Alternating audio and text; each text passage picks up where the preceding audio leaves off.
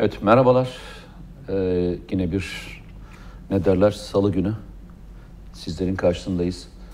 Ee, tabii bu hafta iki tane çok önemli konu var. O yüzden de iki e, farklı konuda konuşacağız. Bunlardan bir tanesi e, muhtemelen 13 Kasım'da e, Amerika ziyareti olacak mı olmayacak mı konusu. İkincisi de e, belki e, birinci önceliğimiz olacak olan konuda e, tahliyeler konusu. E, ben konuya şöyle direkt şöyle başlayacağım. E, yanıldın. Sana öyle söyleyeyim. Yanıldın. Hangi konuda? Seninle bir program yapmıştık. E, Zeki Uçok, e, Albayım, sen, ben. E, TVNet'te bir FETÖ ile ilgili bir Evet. program yapmıştık. Hatta şu anda hala dönüyor. Sen de Evet. paylaşıyorsun. Evet. Böyle parmağını sallayarak şöyle demiştin. 5 sene sonra 15 Temmuz bir dernek ismi olarak kalacak demiştin. Evet. E, yanıldın. Neden? 2019'da Ha, 3 yıl sonra diyorsun. yani 5 yıl 5 yıla kalmadı, 3 beş yılda oldu diyorsun. e, kalmadan 3 yıl içerisinde e, o noktaya e, en azından bizim gözümüzde olmasa da e, kamuoyunun gözünde e, birçok tartışmanın açıldığı olaylar yaşandı. Evet. Ve o söylediğin e, cümleler hatırlandı ki onlar paylaşılmaya başlandı tekrar. Yanılmışsın. evet. Yanıldığını diliyorum. özür dileyecek misin? Özür diliyorum. Özür dileyecek misin kamuoyundan? Özür diliyorum. Böyle tarihler yıllık- konusunda iddialı kelimeler kurmamayı öğrendin mi? Öğreneceğim. Büyüklerimden ders Tabii, alıyorum öğreneceksin. her zaman. Kulağının üstüne yatanların niye yattığını öğrendin mi şimdi? Ee, öğrendim. Hepsi hep, yani görüyorum, daha net görüyorum. Evet, biraz Tamam. geç oldu 53 yaşında olmama rağmen. Ee, Ama 53 çok yaşında hayat öğren- öğrenerek geçiyor. Evet, maalesef. Öğrenerek Demek geçiyor. alacağımız çok dersler Sana var daha. kulaklarına fıs- fısıldayanlar, bize fısıldayanlar, bürokrasiye fısıldayanlar demek ki onlar bir şey biliyorlarmış. Yani Yo, ben, şöyle, ben bilmiyormuşuz o şöyle, zaman bu işi. e, bu, bu, bu konu, bunun buraya gideceğini yaklaşık bir yıl önce falan aşağı yukarı e, konuşulmaya başlanmıştı. Böyle bir bir hava vardı zaten. Aman aman falan diyenler çok olmuştu. Yargı camiasında. Hatta e, ya bu işi bir yıl, bir buçuk yıl içinde bitirelim artık. Hani FETÖ konuşulmasın noktasına kadar götür, götürmek isteyen bir tutum olduğunu ben şey yapmıştım.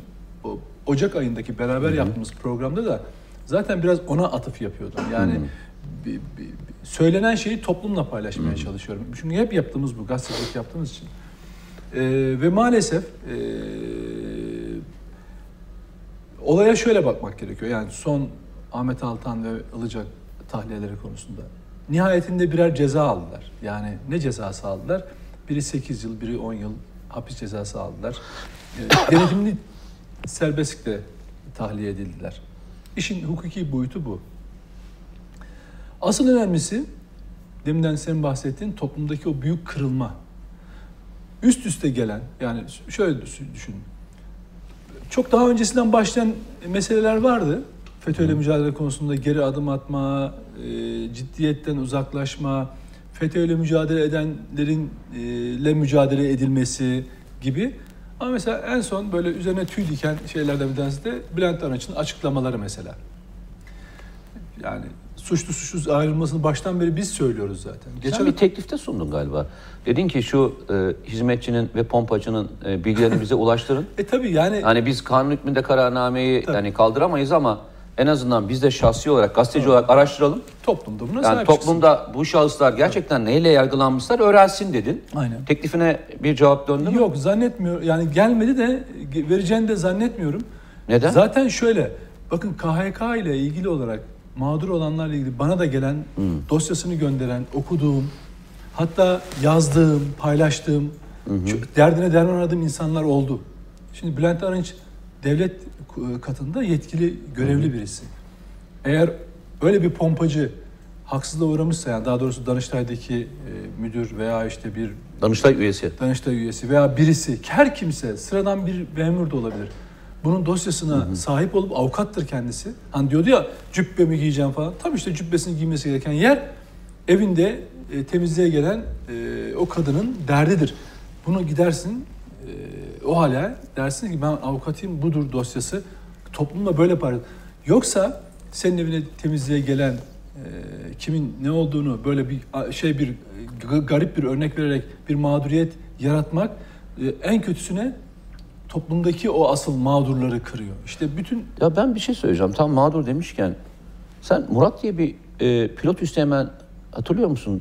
2000'lerin başında tutuklandı. Hala davası davası sürüyor. Murat 18 Eren. Hatırlıyor değil mi? Tabii canım ben ben, biliyorum. soyadını unutuyorum. Tanıyorum Murat Eren. Ben unutuyorum bazen. Yok canım şaka yapıyorsun. Yani gerçekten unutuyorum. Sen unutmuyorsun. Toplumun hafıza yokluğunu Yok gerçekten e, şey unutuyorum ya. Ben hatırlamıyorum çünkü. Bu, bu delikanlı e, kaç yıl e, 2005 galiba. 2004 bu mü? kanun 2005. hükmünde kararnameyle falan da atılmadı. Yo yo ha. yo değil tabii tabii. Yani bildiğin bir şeyle Yargılanıyor. yargı- Tabii. yargılanıyor. Bak, Bitmeyen bir dava Tabii, yapmışlar. Hani tabii. dava da bitmiyor ha. Tabii görevime en son Ha duruşmasında bu çocuk neler yaptı biliyor musun? Ben e, onunla en son özel kuvvetlerken yurt dışındaki bir görevde beraber çalışmıştım. Ve e, ilginçti o zaman da helikopter pilotuydu. Çocuk yani delikanlıyı bana anlatırken şöyle anlatmışlardı. Tanımıyorum çünkü e, birebir çalışmamıştım ama o görevde beraber ortak çalışıyorduk. Dediler ki hayatımızda gördüğümüz en e, korkusuz pilot bu adam. Skorsky pilotuydu ve üst teğmendi ve uçuş saatte inanılmaz bir uçuş saati vardı. Ee, her yerden ama her yerden gidilmesi zor yerden adam çıkartmakla ünlü bir çocuktu. Yani oraya girip çıkması zor olan bütün yerlere gidip gelebilecek kadar yetenekli bir çocuktu. Yüreği, vatan sevgisi her şeyle mükemmel bir delikanlıydı. Ki o dönem bizim bulunduğumuz dönemde e, bu- bulunduğumuz coğrafya anormal karışık. Bu da bizim e, arazideki e, karadaydı o zaman. Kara görevi yapıyordu. Hiç sırtını dayar görevini yapardı. Hiç bir defa da ben şuradan geçemem, buradan gidemem dediğini hatırlamıyorum.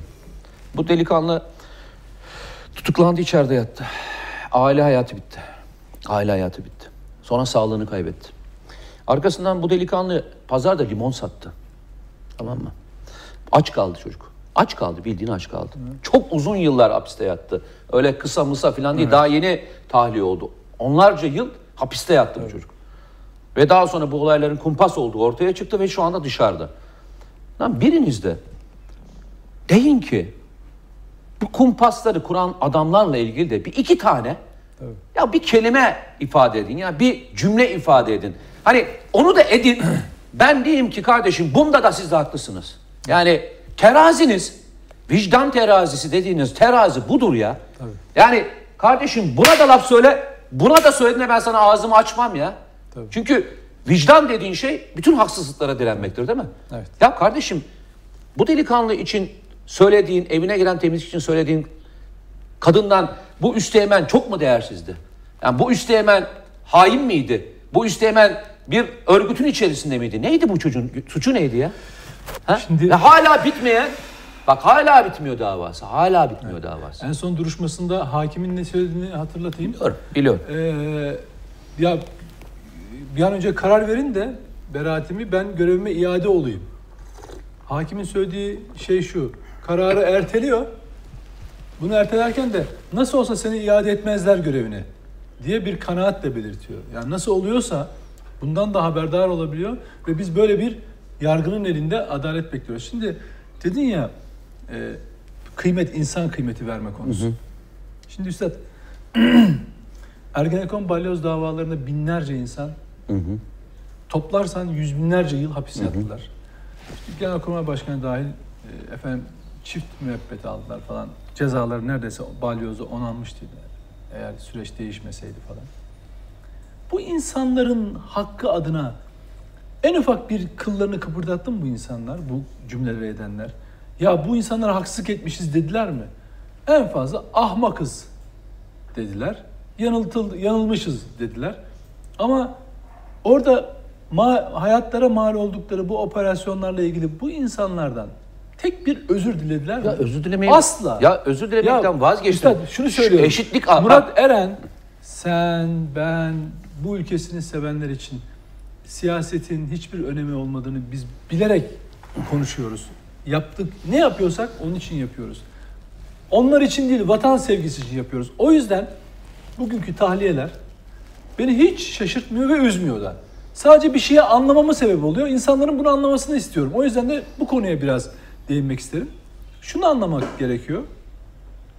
Bir kere e, Ahmet Altan, e, Nazlı Ilıcak ceza alarak tahliye oldular ama denetimli serbestlikle. Yani eğer ceza onanırsa tekrar cezaevine girme durumları var. Ama yaş durumundan dolayı falan muhtemelen bir onlara bir yargı şemsiyesi açılmış oluyor bu anlamda. Şimdi asıl mesele şu. Fe- asıl FETÖ'yle mücadele nereye gidiyor? Yani iki kişinin tahliye olması, tutuklanması hiçbir şey anlatmıyor bana. Asıl FETÖ'yle mücadele nereye gidiyor? Bakın biz daha önceki programda konuşmuştuk Mete Bey. Mete. Bey. Bey ne? Mete kardeşim. Nedim Bey. Mete kardeşim. Bir anda mesafeli oldum beni. Ya Ya, bugün şöyle- programın formatından pek hoşlanmadım Şimdi yani. Mete, e, 15 bin TSK'da hala FETÖ mensubu olduğu devletin bilgisi ar- arşivinde duruyor. E, yargıda kendileri beyan ediyorlar. FETÖ temizlenmedi hala mücadele devam ediyor. Bürokraside TSK'da temizlik %25'ler dolayına kadar ulaştı. Sivil bürokraside %5'i geçmedi daha. Şimdi ortada kocaman bir sorun yumağı duruyor. Yani iki kişi tahliye olmuş, ötekiler tutuklanmış. Bunun bir önemi yok. Süreç nereye gidiyor? Dolayısıyla ona baktığınız zaman iyimser olamıyorsunuz. Yani bir örgüt nasıl ayakta tutulur, ayakta kalır bunu görüyorsunuz. İki, bir, bir noktayı Tamam daha söyleyeyim. söyle. Ahmet Altan'la e, Nazlı Ilıcak konusunda bir kere Ahmet Altan'ın yaptığı iş neydi? Taraf gazetesinde yöneticilik, genel yayın yönetmenliği. Fethullahçı terör örgütünün parasıyla bir gazetenin genel yönetmeni oluyorsunuz ve o gazete baştan sona gazetecilik suçu, bir operasyon aygıtı ve bir yalan dezenformasyon merkezi. Bütün operasyonlar onun üzerinden gerçekleşti ve Ahmet Altan da bunun sahibidir. Bunu unutturmamak gerekiyor. Asıl utandırmak gerekiyor. Ahmet Altan nereden kafayı çıkartırsa, ne söylerse kardeşim sen o kirli lağım taraf gazetesinin yönetmeniydin. Sen ekibinle insanların hayatını kararttın. Sen yazıya ihanet ettin. Sen gazeteciliğe ihanet ettin. Sen böyle bir suçlusun. Sen benim için terörist değilsin ama sen bir gazeteci suç- suçlusun Ben diyeceksin. sana söyleyeyim. İki, Ee, Nazlı Ilıcak. Bütün arşivi... Nobel ödülü almazsa Özür dilerim. Bak ben sana söyleyeyim. Nobel ödülü almazsa, ha buraya da yazıyorum. Sen 5 sene demiştin ya. Evet. Nobel ödülü almazsa ha? Al- al- o- yazar o- olarak Tabii. veya başka şey olarak. Eğer ödül vermezlerse benim adım da Mete değil. Yok. Tamam. Nazlı Can bütün arşivi operasyoneldir. Fethullahçı terör örgütünden aldığı e, bilgilerle insanları kıymak için, kıymak için, onların itibarını yok etmek için yazılar yazmışsın. Zaten sen böyle bir gazeteciliğe, yazıya ihanet etmiş bir müptezelsin. Sen artık tutuklu olsan ne olur, olmasan ne olur? Sen gazeteci olsan ne olur, olmasan ne olur? Yaşasan ne olur, yaşamasan ne olur? Yazdı, şu olur, insanlar hata yaparlar. Bu şöyle değil ama. Ya ben bunların yüzünü, gerçek yüzünü görmedim. Bunlar kötüymüş, bunlar FETÖ'ymüş. Ya mahkemede bunu söylüyorlar. Şimdi Nazlıcak bunu söylüyor. Kardeşim sen ne yaptın Ahmet onu söyle. Altan öyle bir şey söylüyor Yok hayır. O söylemiyor. Nazlıcak diyor ki bunlar kötüymüş, bunlar FETÖ'ymüş, bunlar ben bunları anlamadım. 15 Temmuz'da kanlı yüzünü gördüm. Peki sen ne yaptın? Onu biz anladık, onu biz biliyoruz. Sen onlar adına ne işler yaptın? Onu anlat. Ee, Her taşın altında cemaat diye kitabı oturup operasyon olarak işlediği tüm suçları aklamak üzere, cemaati aklamak üzere yazdığın bir kitap var. Sen bununla insan içine nasıl çıkıyorsun? Sen nasıl hala kendine söz sahibi zannediyor olabiliyorsun bu ülkede? Önemli olan bu. Bu insanların suçu ben geçtim teröristlikten, terör, terörden falan. Gazeteciliğe ve yazıya, söze ihanet etmiş insanlardır. Cezaları da cezaları da utanmaktır. Eğer insanlık Ben vicdanları sana bir şey kalmışsa. söyleyeceğim. Yani e, Nazlı Ilıcak'la Ahmet Altan'ı aynı kefeye mi koyuyorsun? Hayır o, o şu birisi birisi Yok şu- aynı kefeye mi koyuyorsun? Hayır, birisi makinenin merkezi, birisi kolu. Yani makine üreten merkezin içinde Ahmet Altan vardır. Peki. Öteki kullanılan kol, manevela. Şimdi onu söyleyeceğim. Ee, bu olayın başında e, belki tespitlerden bir tanesiydi hatırlarsan. Ee, tepede ihanet, ortada ticaret, Ticaret. e, tabanda neydi? İbadet. Tabanda ibadet. Bugün birkaç tane e, tweet gördüm. E, aynen şöyle yazmış e, tweette. İhanet zaten kaçtı veya kaçırıldı. E, ticaret tahliye. Tahliye. Ee, şey taban hapiste. Mahkumiyet. Mahkumiyet. Şimdi bu tweetlerin artması bile aslında FETÖ'yle mücadele için çalışan insanlar için inanılmaz moral, bozucu bir şey. Yani bu işe emek harcayan müthiş savcılar var. Müthiş bu işe adanmış emniyetteki arkadaşlar var. Silahlı kuvvetlerin içinde insanlar var. Şu şu şeyi algıyı oluşturduk ya. Bu bu kadar kafasını, gövdesini, vücudunu her bir santimetre karesine bu taşın altına koymuş insanlar için yazık biliyor musun? Yazık. Yani bu yazık. Bu şöyle. Yani biz biz Biz sonuçta şuraya gelip konuşuyoruz. O arkadaşlar sabahtan akşama kadar bunların dosyasını, bunların evranı, bunun istihbarat raporlarını, takibini günlerce, aylarca yapıp işte Milli İstihbarat yurt dışındaki adamları peşine düşüyor. Bir şekilde alıp getiriyor Türkiye'ye. Bu operasyonu yapan insanlar var. Şimdi onların bir yerine koysan kendini ne hissedersin? Ee, büyük boşluk yani çok büyük boşluk yani anlamsızlık şey gibi 15 Temmuz gecesi şehit olan ailelerin e, şehitlerin ailelerinin yazışıyoruz sürekli. Ee, mesaj atıyorlar ben onlarla yazışıyorum falan. Gazilerle direkt konuşuyoruz falan. Yaşadıkları hayal kırıklığı o kadar derin ki utancımdan yerin dibine giriyorum. Onlara onlara teskin edecek ama şöyle olacak merak etmeyin diyebileceğim tek kelimem kalmadı ya. Ben en çok ona uyanıyorum. Yani onları ben tutmaya, yüreklendirmeye, fedakarlıklarının yüceliğini anlatmaya gerçekten kendimi adamışım. Yani çünkü büyük bir şeydir. Yani bir ailesinden hala yine vazgeçmiş değilim. Bak yine bunu da atlatacağız. Bu şoku da atlatacağız. Beraber çıkacağız buradan yukarıya. Ee, bugün ne manşet atmışlardı? Ekşi Sözlük'te falan neydi o manşetin ismi?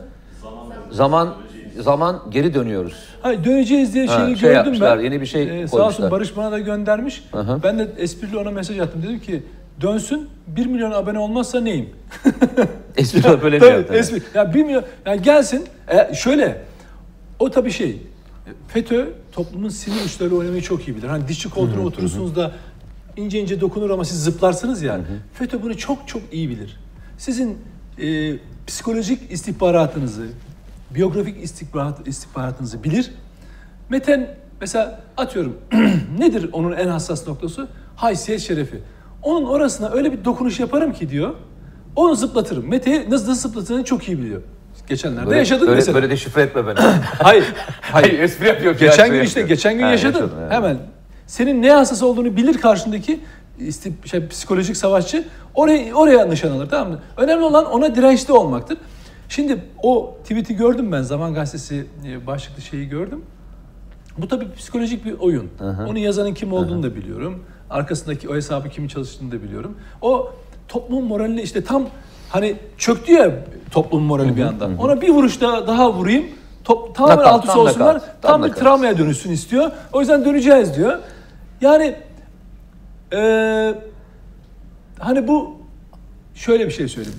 Türkiye FETÖ'yle mücadelede çok çok önemli yollar aldı. Aynen öyle. Kimsenin Aynen. şöyle aldığınız yolun büyüklüğünü bilseniz moralinizi bozmamanız gerektiğini e, anlardınız. Katılıyorum. Bugün Katılıyorum. e, birkaç olay yani bakın FETÖ'yle mücadele Ama şunu unutmayalım. Bak Tabii. şunu unutmayalım.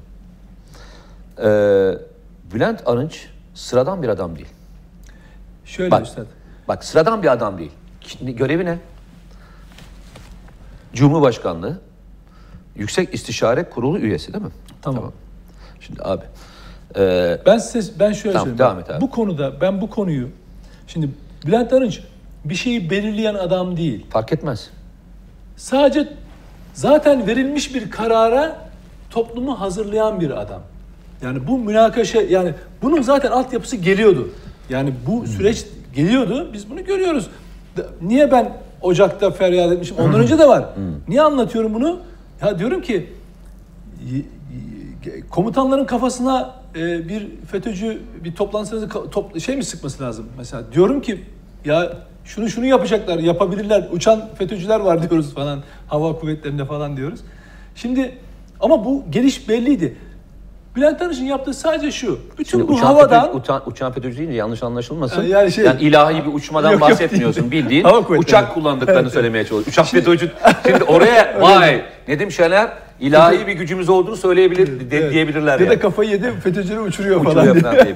Şimdi Bülent Arınç'ın yaptığı şey toplumu yani şeyi AKP tabanını oraya doğru hazırlama işlevi görüyor ya, sö- sözleri. Dolayısıyla bir şey belirlemiyor. Yanlış anlamayın. Ee, önemli olan şu. Mücadelede çok önemli yerlere gidildi, çok önemli şeyler yapıldı. FETÖ asla dönecek halde değil. Fe- FETÖ katiyen eski gücüne kavuşacak halde değil. Ama mücadele konusunda e, toplumda çok büyük bir moral bozukluğu var.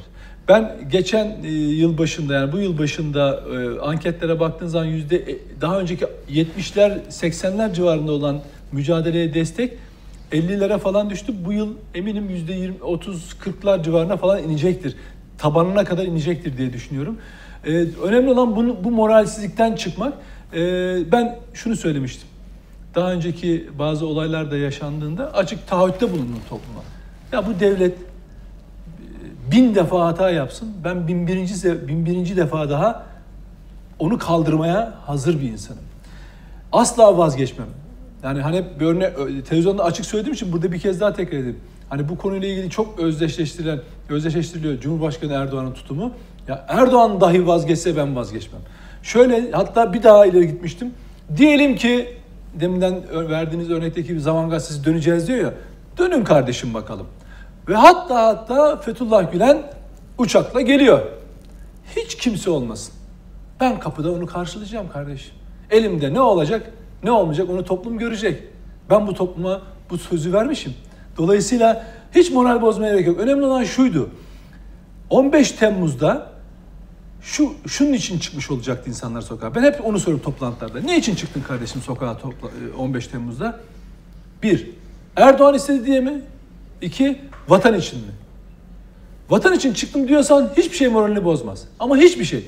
Bugün yapılan bir sürü hataya, yanlışlara rağmen Güneydoğu'da gencecik 20 yaşındaki çocuklar vatan savunmasından geri duruyorlar mı? Cık, durmuyor. Burada elbette ki şehitlerimizin anısını hep yaşatacağız. Hep onları onurlandıracağız. Gazilerimizi yücelteceğiz. Ama biz dağda savaşan 20 yaşındaki çocuk, ayakları patlayana kadar yürüyen gencecik çocuklar, yaralanan, gözünü, kolunu, bacağını kaybeden çocuklar bunu yapıyorken ben oturacağım burada şeye karamsarlığa kapılacağım. iki tahliyeden bilmem ne de. Asla böyle bir şey yok. Nerede, nerede yanlış yapılıyorsa ben onun yanına geçip doğrusu neyse onu topluma anlatmaya çalışacağım. Ancak böyle başarılı olabiliriz. Yoksa başka türlü FETÖ o zaman döner. Yani şöyle FETÖ sen ona direnmediğin zaman döner. Çünkü biz aslında FETÖ diye konuştuğumuz şey iki sümüklü hoca ile 3-5 tane e, alçak e, müridinden bahsetmiyoruz. Amerika Birleşik Devletleri'nden bahsediyoruz. Bu ulusal bir duruştur. Önemli olan oradaki ona karşı duruşunu belirlemişsen hayatta, konumlandırmışsan kendini seni ne FETÖ korkutur ne PKK korkutur. Çünkü niye? Korku, korku dediğin şey canınla ilgili bir şey ya. Dersin ki feda olsun. O zaman korku falan kalmaz insanda. Evet kaç dakika oldu arkadaşlar? Evet son e, birkaç dakikamız var. Onu da bitirelim. E, başından beri söylüyoruz. Başından beri anlatmaya çalıştığımız konu o. İlk e, bu olaylar başladığında seninle beraber televizyon programı çıktığımızda şunu söylemiştik. Yine aynı yerdeyim. Hatta Türkiye'de belki ilk gündeme getirenlerden bir tanesi buyum.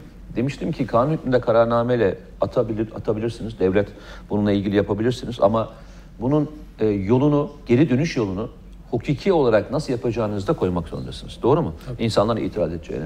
İşte ondan sonra yaklaşık bir ay sonra işte Sayın Başbakan da o zaman Binali Yıldırım e, bu e, o itiraz o hal e, itiraz komisyonlarını kurdu ve onunla ilgili sistem başladı. Hatta oraya bile itiraz yolu açık olarak bırakıldı. Mahkemeye tekrar itiraz edebiliyorsunuz. Bu sistem e, e, bu sistemi muhakkak çalıştırmak zorundasınız. Yani bu sistemin içerisinde olayları e, doğru anlatmak zorundasınız. E, bir örnek vereyim. E, iyiler ve iyilikler, ben hep öyle söylüyorum, e, memeliler gibi çoğalıyor. Sancılı bir doğum süreci var. İyilikler öyle çoğalıyor. Ama maalesef kötülükler de bakteriler gibi çoğalıyor. Evet. Bölünerek çoğalıyor. O yüzden de e, iyilikleri doğru anlatamadığınızda zaten sayısı az olan doğru başarılar ve doğru başarı grafikleri e, sanki bu iş kötüye ve e, farklı noktaya gidermiş gibi algılatılıyor. Bir defa toplumda şu e, adalet terazisi nasıl yapıldığını bir defa konuşulmak lazım. Israrla şu FETÖ metre neden uygulanmıyor konusunun cevabı verilmesi lazım. Artık onu geçtik. FETÖ borsası denen bir borsa varsa bu FETÖ borsasını kim yönetiyor ve kimler tarafından yönetiliyor ve e, bu FETÖ e, şeyi FETÖ borsasından ile ilgili bir şikayet varsa bununla ilgili ne işlem yapıldığını toplumla paylaşmak gerekiyor. Bunlar insanların kafalarını karıştıran e, sorular. Bu soruların cevaplarını da devlet ve siyaset vermek zorunda. Eğer vermezseniz e, bu sefer işte o iyi insanların yaptıkları, işte o e, can siparen çalışan savcılar, hakimler, polisler, askeri personeller, istihbaratçıların yaptığı veya işte gazetecilerin yaptıklarının çok da fazla bir anlamı e, kalmıyor. Rica ediyorum. E, birebir olaylar üzerine gidin. Hatta ben e, bir savcının Sayın e, Bülent Arınç'a ya şu e, itiraz ettiğiniz iki kişinin lütfen bir ismini verir misiniz? Biz bir daha savcı demeyeyim ben ne diyeyim? Neydi? OHAL komisyonu. OHAL komisyonu- OHAL komisyon Eminim- başkanının. eminim öyle bir örnek yok. Ha, Öyle bir ikisinin, örnek bile yok ikisinin yani. e, bir ismini bize lütfen verir misiniz? Bir bakalım. Çünkü sonuçta bulunduğunuz pozisyon olarak şu anda Tabii. a, halka mal olmuş bir yerdesiniz. Bu iki kişiyi de verdiniz. Toplumu bilgilendirmek bizim görevimiz. Evet. Şu iki ismi verin. Gerçekten neden atılmışlar e, sorusunun cevabını topluma açıklayalım e, demesini beklerim. Çünkü e, bu sorunun cevabı verilmediğinde kanun hükmündeki kararnameler ve Oraya- OHAL komisyonunun bütün personeli de açıkçası zan altında Tabii kalıyor. bak Doğru bir- mu? Savcılar zan Evet, altında kalıyor. aynen bir rakam vereceğim. OHAL komisyonu kapsamında, KHK kapsamında ismi olan 124 bin civarında e, isim var. Yani ihraç edilmiş, işlem yapılmış. Bunlardan bugüne kadar yarısından biraz fazla, 70-80 bin civarındaki dosyası incelendi. Bunlardan 7 bin dolayında, 7200 zannediyorum bir önceki ayın rakamı oydu. E, haksızlık yapıldığına dair karar çıktı. Yani OHAL komisyonundan başvuruları kabul edildi. Yani onların görevlerine iade olacaklar. Geri kalanla ilgili biliyorsunuz hem MİT hem e, BDDK, efendim TMSF, tapu daireleri, bankacılık kurumlarından bütün bilgiler derleniyor. Yani terminaller kurulmuş durumda. O hale siz isminizi girdiğiniz zaman hangi kurumda ne işlem yapmışsanız önünüze geliyor. Sizin dosyanızla karşılaştırılıyor. Haklı olup olmadığınız karar veriliyor. Ve bu şekilde 7 bin, 8 bin dolayında isim belirlenmiş. Haklı olduğu yani haksız yere işte, işlem yapıldığı tespit edilmiş. Şimdi Bülent Arınç'ın verdiği iki örnek o kadar e, ortamı bulandırıyor ki. Oysa dese ki bakın biz darbe girişiminden sonra 124 bin kişi ihraç edilmiş. Bunlardan 8, şu ana kadar tespit edilen 8 bin. Demek ki bir yarı yarıya daha koyarsanız 10-15 bin civarında e, böyle bir mağdur kitlesi de oluşmuş. Bunların haksızlığını gidermek lazım. Bak bu çok yerinde bir tespit. Ama ne yapıyor? KHK'ya karşı bu bir facia. Evime gelen bilmem neden utanıyorum. Bu ne demek biliyor musunuz? En başta hakkı yenmiş şu 8 bin, şu ana kadar tespit edilmiş 7 bin, 8 bin civarındaki KHK'nın hakkını yemektir. Haklı olduğu halde görevine iade edilmeyenin hakkını yemektir bu. Oysa demen lazım ki senin, ben bu görüyorum ki 8 bin kişi mağdur edilmiş şu ana kadar tespit edilenler arasında. Bunların bir an önce şey yapıyor. Demek ki biz de bazı işlerimizde hatalar yapabiliyoruz ama devlettir. Sonunda bunu ortaya çıkartıyor ve bakın iade ediyor diyebilirsiniz. Gerçekçi bir tespit. Ama siz ne yapıyorsunuz? İçinde adil öksüzlerin de olduğu, FETÖ'cü darbecilerin de olduğu, askerlerin de olduğu, polislerin de olduğu, sivillerin de olduğu, bütün KHK kapsamında olan herkesi bir anda meşruiyet kazandırıyorsunuz. Bunun neresi hakkaniyet? Zaten, Peki zaten 15 bine yakını fiili olarak direkt darbeye karışıp tabii atılanlar. tabii. Yani dolay- direkt atılanlar. Şimdi sen bu yaptığın bir kere insan sorumluluğuna, hukukçu sorumluluğuna uyuyor mu? Yani hem hukukçuyum diyeceksiniz hem de böyle genelleş, genelleme yapacaksınız. Ya hiçbir şey yapamıyorsanız dediğin gibi çağrı yaptık. Verirsin o iki ismin bana da vermenize gerek yok. Devlete gidin o hale başvurun. Bu iki kişinin durumu nedir kardeşim diye hakkını arayın hiç olmazsa. Ama mesele şey AKP tabanını yani o bu işe tepki gösterecek kitleyi e, bir şeye hazırlamak. İşte neye hazırladığını da görüyoruz. Sonuç bu. Evet, çok teşekkür ediyoruz. Ee, Daha bu çok tartışılacak e, konular. E, muhtemelen e, tahliye olanlar da konuşacaklardır. Tahliye olanların konuşmasının arkasından daha çok tartışırsınız. E, ben artık tartışmayacağım. Evet. Biz Söylüyorum. işimize bakalım. Yani biz tartışmayacağız. Biz e, yine gerçek neyse onu söylemeye devam edeceğiz. Çünkü e, yani FETÖ'cüye FETÖ demekten herhalde utanmayacağız ve Tabii. e, diyerek de devam edeceğiz. Hatta geçmiş belgeleri ortaya koyarak da Evet. bu işi sürdüreceğiz. Çok teşekkür ediyoruz bizi izlediğiniz için. E, hala e, abone olmayanlar var. Ben birçok yere gidiyorum. Birçok yerde Nedim e, çok selam söyleyen insanlar var memleket aşkına. E, bütün ekibe de çok teşekkür ediyorlar. E, ama abone olmayan hala birçok kişi olduğunu da görüyoruz. E, lütfen e, abone olmayı unutmayın Süper Haber e, TV'ye. Çok teşekkür ederim. Sağ olun. Teşekkür ederiz. Sağ olun.